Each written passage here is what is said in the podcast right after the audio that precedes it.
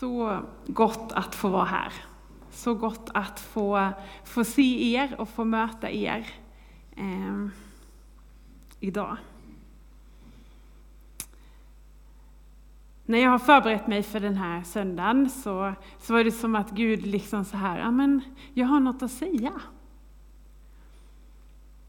Och, och vissa av er tänker, ja men det vill han ju göra varje söndag. Och det gör han ju varje söndag. Ja, det har du absolut rätt i. Men min fråga blev till mig själv var, lyssnar vi? Och om vi lyssnar, hur lyssnar vi? Och handlar vi? Låter vi det vi hört och reagerat på påverka oss? Låter det ha direkt inverkan på din vardag, och min vardag och våra liv? För en av anledningarna till att Gud just talar är ju för att han vill bekräfta sitt ord, att han är på riktigt. Han vill ju förstå, han vill ju att vi ska förstå att han är här. Och han talar ju också för att leda oss ut i det som han har kallat oss till, vilka vi är. Ni sitter ju här som unika människor, högt älskade av Gud. Och han har ju sagt saker till dig. Specifikt till dig, utifrån vem du är. Vilka dina talanger är och dina gåvor. Eller är det så att vi kanske lyssnar och så blir vi berörda och så stannar det där. Lever vi liv som vi löser själva? Eller lever vi Gud, liv där, där vi är beroende av Gud? Där vi räknar med att han har något att säga just i den situationen vi är i just nu, just i den här säsongen, just idag. Och det var sådana frågor jag ställde till mig själv när jag, när jag förberedde mig. Och Hanna, jag ska tacka dig för din predikan som du hade förra söndagen. Jag var inte här så jag fick sitta hemma, eh, som några av er gör idag, och lyssna, för jag var sjuk. Men just där, där du talar om tacksägelse, lovsång och tillbedjan, men just också våra attityder kring varför vi gör det vi gör. Och jag ska tala idag om ett ämne som kanske inte går hem som det mest populära, men som jag tror är en grundstomme i vår tro. Eh, och det är omvändelse. Och det är ju faktiskt en konsekvens av att när Gud har sagt någonting så omvänder vi oss. Alltså när han har lyst på någonting. Och hur vi kommer till tro är ju ett sammanvävt paket med vad Gud gör i en människa och vad vår respons är. Eh, jag vill börja med att eh, läsa det ni ser här. Ni är världens ljus. En stad på berget kan inte döljas. Det är ju helt otänkbart att tänka sig att ett kristet liv inte skulle ha några som helst konsekvenser. Det märks att man är kristen, det går inte att dölja. Eh, och omvändelse, det kanske inte är det mest moderna ord som vi kan använda idag. Eh, men om jag fortsätter läsa resten av det här bibelordet som jag började med, som är hämtat från Matteus 5 och 15. Ni är världens ljus, en stad som ligger på ett berg kan inte döljas. Om man tänder inte ett ljus och sätter det under skeppan, utan man sätter det i hållan, så det lyser klart för alla i huset. Det märks att man är kristen. Det är liksom på något sätt en naturlig process när man sagt sitt ja. Och nu handlar det inte om de, de yttre tecknen vi kan ha. En skavs från Israel, ett kors, stora texter på våra tröjor eller banderoller. Vi får gärna ha det, jag har det gärna. Utan det är den här inre, trons inre. Den är som staden på berget. Den kan inte döljas. För om du försöker dölja det, så är det som att du tar ett stearinljus, stoppar det i fickan. Antingen så kommer du brinna, eller så kommer du släcka ljuset. det är det som händer. Trons låga är som att den, den kan man inte hålla för sig själv, för den är synlig. För alla. Och försöker man trixa och dölja det, så kommer det också bli uppenbart för alla. Antingen så brinner du, eller så släcks ljuset. För det går inte att dölja att man har gått igenom en inre förvandling. Och det är det omvändelse är. Några av mina vänner som inte delar samma tro som mig, de kan säga till mig, ja men någonting har ju hänt i ditt liv Maria, som inte du själv hade fixat. Någonting större måste ha hänt, för att vi känner ju dig. Vi vet ju vem du var. Och, och så säger de, du säger ju att det är Gud. Och vi har inte något bättre svar. Även om vi inte tror. I Apostlagärningarna 26 så säger Paulus, jag har predikat först i Damaskus, sedan i Jerusalem och hela Judeen och även ute bland hedningarna, att de ska ångra sig till Gud och göra gärningar som hör till omvändelse. Att omvända sig handlar ju om att ge respons på det Gud har uppenbarat. Eh, Paulus predikar ju inte omvändelse för att eh, eh, Paulus predikade omvändelse att det handlar om att ångra sig och ge, och som respons på det, utföra de handlingarna som svarar till ången. I början av Apostlagärningarna 2 när 3000 människor kommer till tro på en enda gång, så är deras respons, vet ni vad de säger?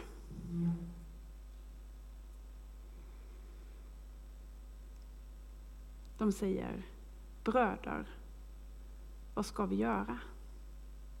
Den naturliga responsen är när, när Gud har, har uppenbarat någonting för dem. När de kände att men Gud är på riktigt jag tror, så är responsen, vad ska jag göra? Och då kliver Paulus som ledare fram och så säger han, att nu ska ni känna er för och kolla om detta passar er så ni kan bli sådär kristna på ett lagom sätt. Nej, det säger han inte. Utan han säger, omvänd er, låt er döpas i Jesu Kristi namn, så att era synder blir förlåtna. Här i kyrkan så har vi en dopgrav fylld med vatten. För vår tro och längtan är att när människor får höra Guds ord och att Jesus är på riktigt och att Gud har den bästa planen för dem och att han är för dem och älskar dem, så blir responsen ja. Jag vill låta döpa mig som en bekräftelse på att han är på riktigt. Så när den andliga processen i oss är igång så blir den naturliga frågan, när Gud uppenbarar någonting, vad ska jag göra? Och det kristna svaret är Omvänd er. Byt livsstil. Lev efter bibelordet. Så att ni får förlåtelse för era synder. Men jag vill tydliggöra en sak här. Så ni inte misstolkar mig. Och det är att komma till himlen behövs det endast att du gör som rövaren på korset. Jesus, tänk på mig. När du har minuter kvar att leva så räcker det. För responsen Jesus säger är, idag ska du vara med mig. Eller hur? Men det kristna svaret om man inte har minuter kvar att leva, är omvänd dig, låt döpa dig och gör de handlingarna som har med omvändelsen att göra. För det kristna livet, det går inte att dölja. Och jag sa ju innan, och jag har tänkt mycket på det här med omvändelse, att det kanske inte är det mest populära ordet eller saken att prata om för att det liksom på något sätt ska vara som en pekpinne. Men det ligger där i Bibeln och jag kan inte börja plocka med det. Ibland är det lättare att förkunna Guds och människans godhet än människans elakhet. Eller hur? Men det finns där i Bibeln där Gud säger omvänd dig du som är elak, omvänd dig du som trycker ner och får andra att må dåligt. Det är lättare att berömma oss själva än kanske erkänna vår synd. Att rättfärdiga ett dåligt beteende kan vara lättare än att bekänna sin del i det. Men missförstå mig inte på något sätt. Du är högt älskad av Gud. Han dog för din skull, för min skull, för allas skull. Så mycket älskar han oss. Och det ska vi aldrig sluta predika om. Aldrig någonsin. Men här predikar vi hela Bibelns spektrum och där är omvändelse också med. För vi säger kom till Jesus. Kom precis som du är. Och det är helt sant. Att vi får komma precis som vi är till Gud. För det är där han kan prata med oss, eller hur? Vi kan önska att vi var på en annan plats eller på ett annat ställe i livet eller i en annan situation. Men när vi kommer till Gud så får vi komma precis som vi är. Men där sker det någonting, eller hur? I mötet med Gud så förvandlas vi, så vi är inte längre samma. Det är inte där vi ska stanna. Förstår ni vad jag menar? Utan det är där vi börjar resan med att närma oss Gud och han vill uppenbara vilka vi verkligen är.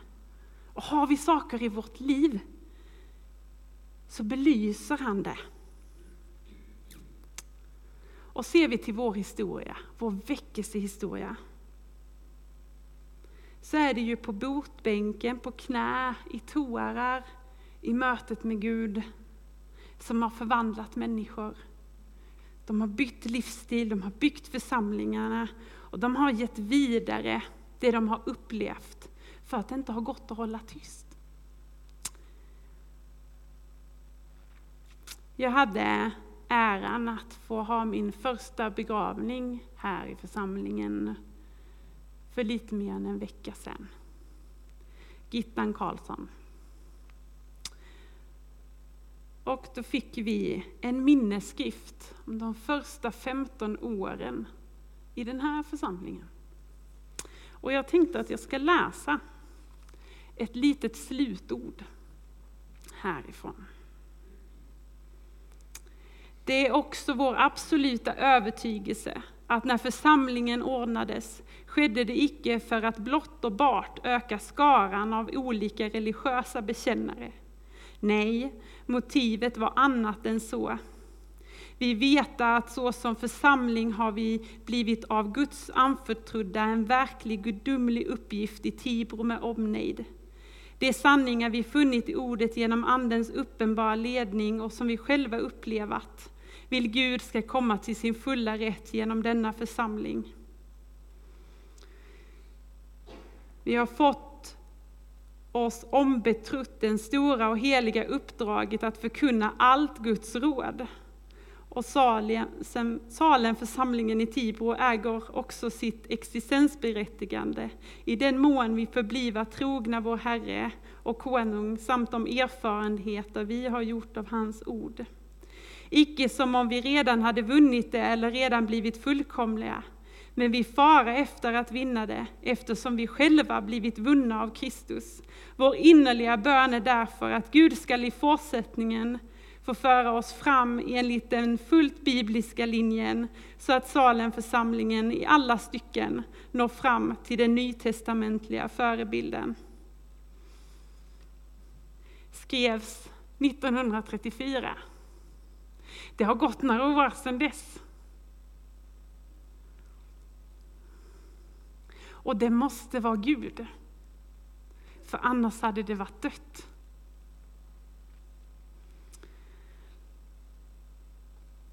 Att omvända sig. När jag kom till tro så handlade det ju omvändelse ju Frälsningen är ju en del av omvändelse, att säga sitt ja till Jesus. Och när man säger sitt ja, så handlar det om ett gudsmöte, att Gud har uppenbarat någonting. Och i mitt ja till honom så betyder det samtidigt att jag bekänner att jag tidigare gick på fel väg. Så att mitt ja betyder ju att jag gör en 180 graders skiftning.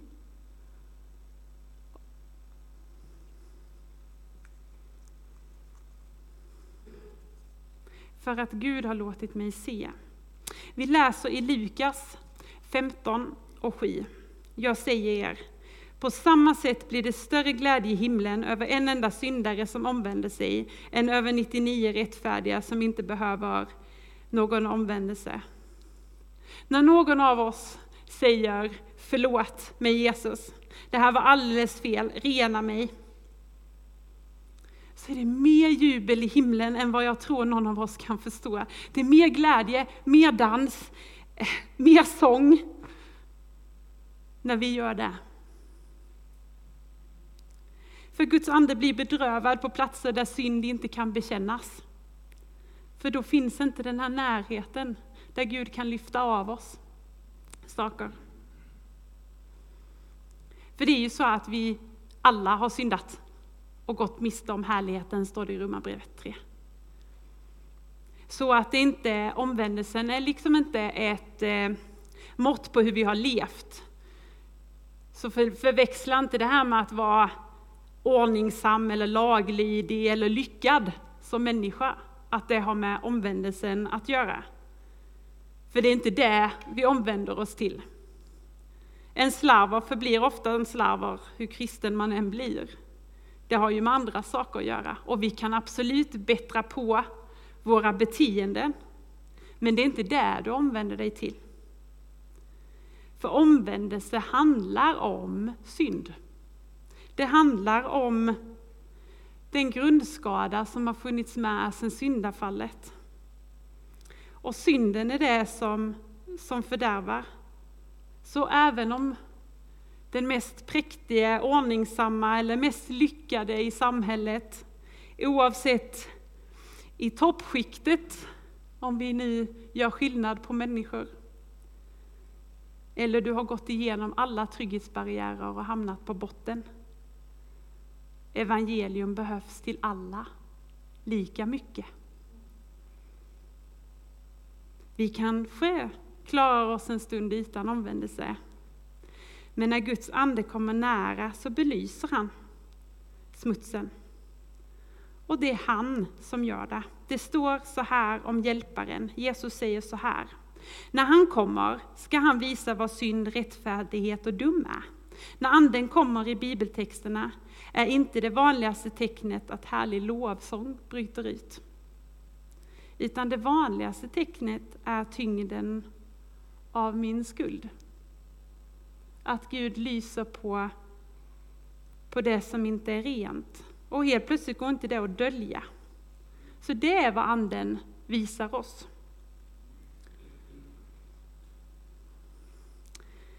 När Gud då kommer så där nära, det är då det kan uppenbaras, det är där vi skäms för.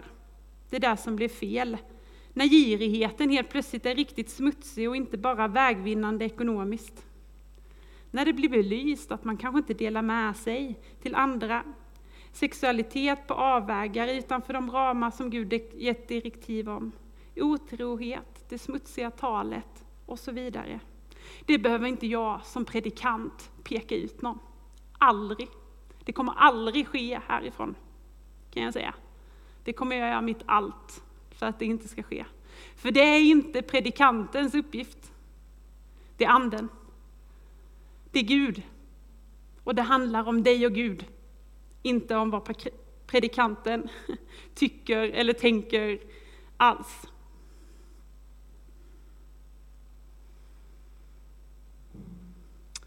Det är klart att anden inte först och främst vill bevisa och framhäva oss syndiga.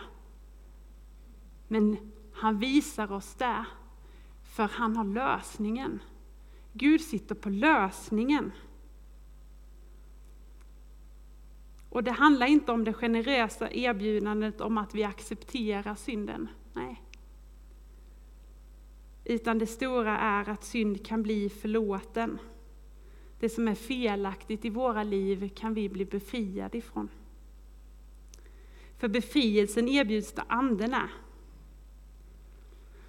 Jag upplever min smuts samtidigt som det finns en glimmande diamant där jag kan få starta om fullständigt nytt. Fullständigt nytt. Det är som att det som var mitt livsdag, misstag, eller kanske ditt livs katastrof, det jag gjorde som helt stred mot mina principer, eller vad det än är som anden uppenbarar.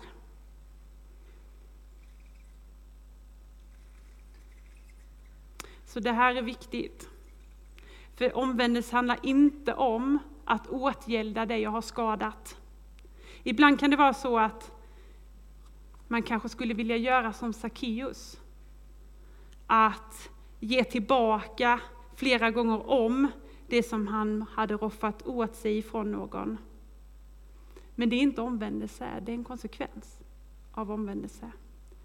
Omvändelse handlar om att jag i djupet är förlåten.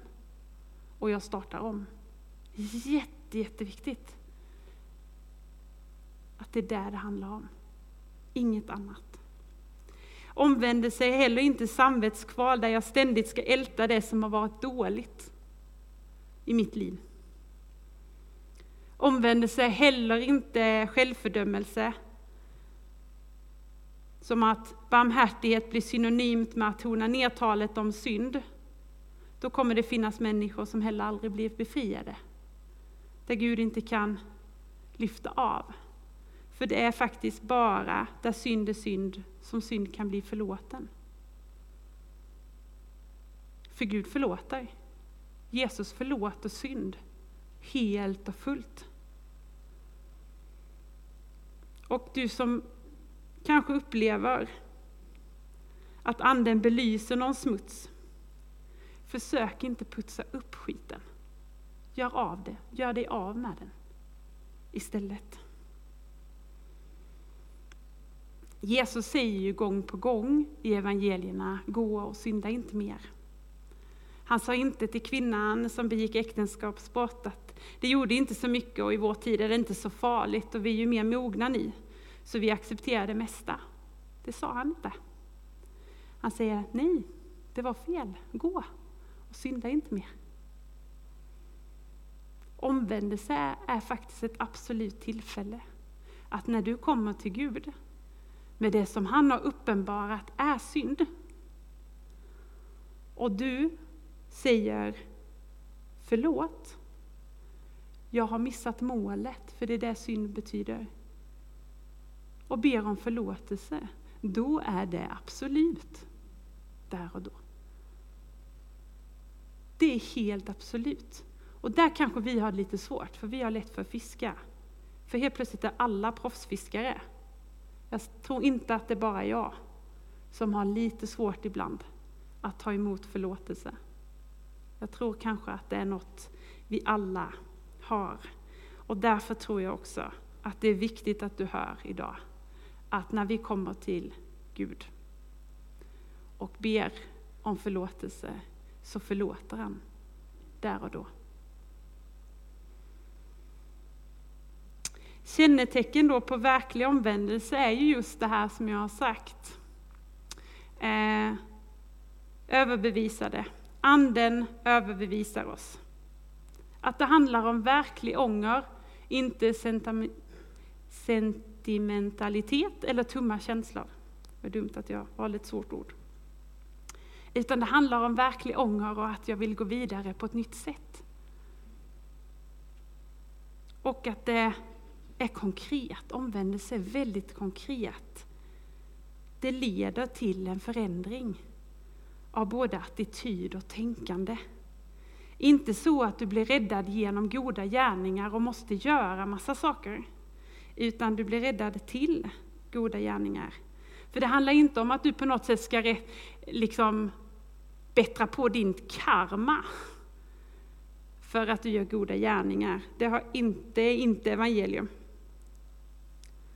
evangelium är att Jesus har redan gjort allt för dig. Han har fullbordat det. Han ropade när han hängde på korset. Det är fullbordat. Det är klart. All smuts, all skit, allt elände du har varit med om, det glöms bort, det städas ut, det är aldrig mer till. Vi, inte någon av oss här kan förbättra oss och göra oss så rena. Det är bara genom att Jesu blod rann på korset som vi kan bli rena. Fram till den dagen då jag tar emot Jesus som min frälsare är jag faktiskt en syndare som är oförlåten. När jag tar emot Jesus blir allt förlåtet och du får lämna det. Man kan behöva bearbeta saker i själavård och terapi för att man har varit med om trauma. Jag behövde det för att förstå hur jag skulle kunna leva fri och förlåten och hur jag skulle kunna leva som kristen, så behövde jag prata med människor om det. För jag hade ju inte gjort det innan.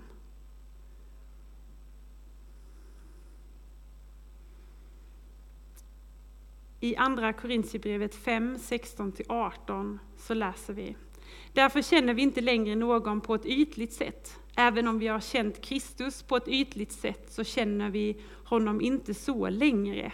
Om någon är i Kristus är han alltså en ny skapelse, det gamla är förbi och något nytt har kommit. Och allt kommer från Gud som har försonat oss med sig själv genom Kristus och gett oss försoningens tjänst. Det, mina damer och herrar, är det som är attraktionskraften i en kristen församling.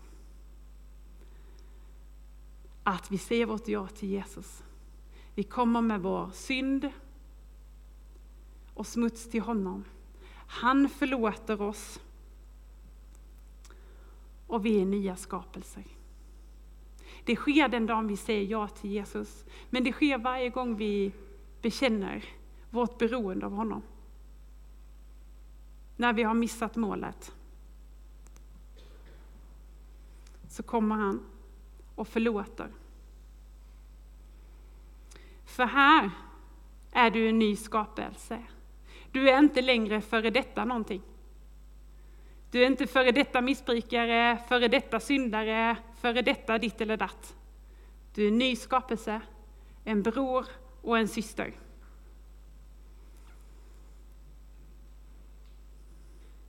Låt det gamla vara bakom dig.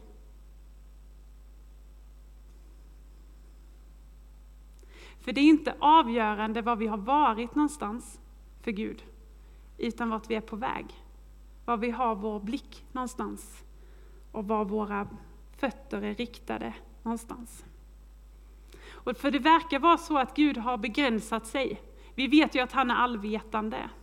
Men när det kommer till synd, när det kommer till att vi tar det där som är så jobbigt och som vi skäms för och som inte blev som vi ville och ger det till honom, så säger han, jag ser och jag förlåter dig. Sen glömmer han. Vi som vet att han är allsvetande, han väljer att glömma. Det är därför jag säger att du inte ska bli bra på att fiska i det som är det gamla. Det är därför vi kan behöva, när vi har varit med om trauman, behöva prata med någon om det. För det är inte så lätt att inte fiska när man inte förstår allt som man har varit med om.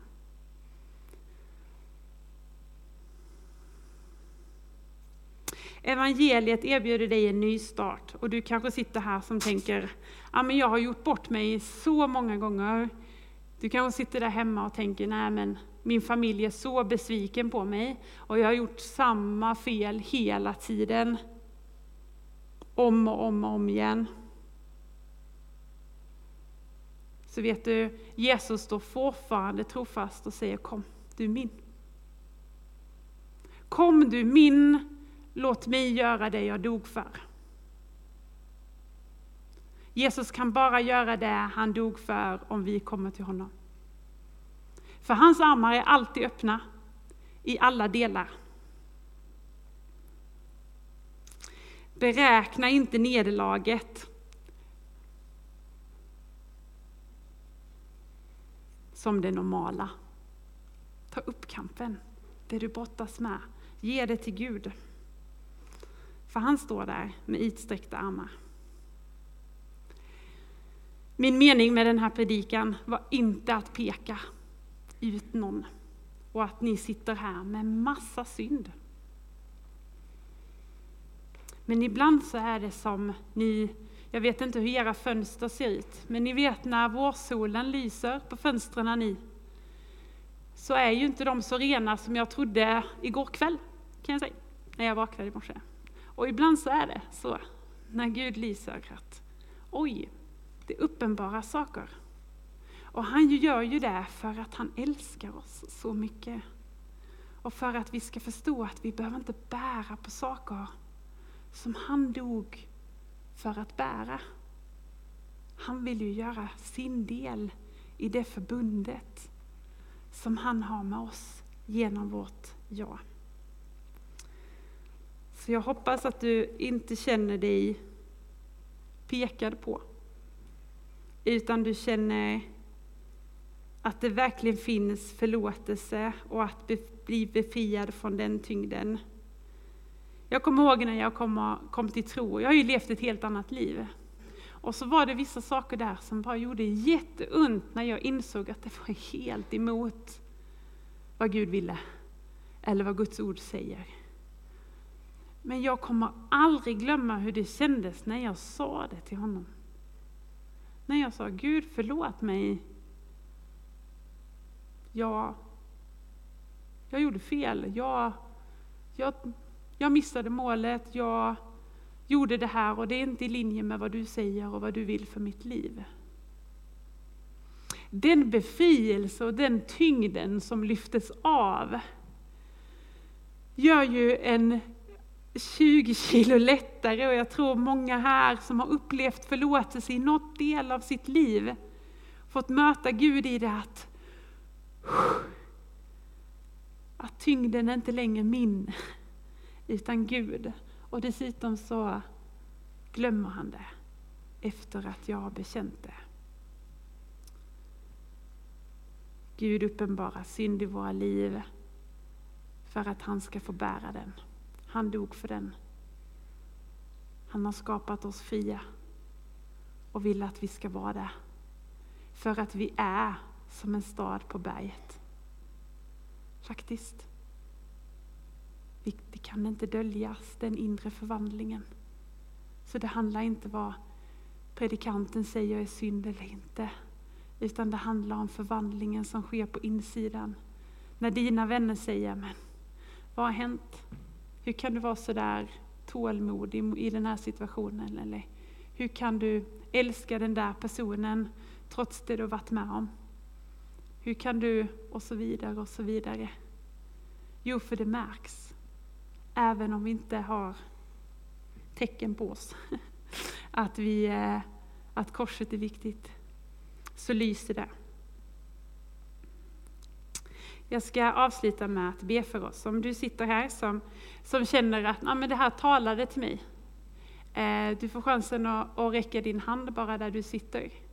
Om du sitter hemma så gäller det dig också. Du kan bara sträcka din hand. Om, du, om det så är att det är första gången jag säger mitt ja till Jesus för att jag har förstått att han är på riktigt och att han älskar mig. Så låt din hand stå för det. Om det är att Gud har belyst någon smuts i våra liv, synd, som Gud vill lyfta av idag för att du ska få förlåtelse och befrielse. Så tänker jag, vi kan bara sträcka vår hand. Vi kommer ha förbönstjänst eh, och fortsätta förbönen efteråt. Men om det finns någon här så kan ni bara lyfta handen.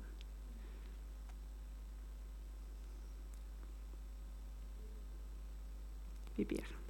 Jesus, jag tackar dig för var och en som sitter här. Jag tackar dig för du som sitter hemma. Herre, du ser vad våra hjärtan säger och du ser vad vår synd kan vara Eh, just idag när solen lyser kanske på våra fönster och våra inre fönster, Herre Jesus.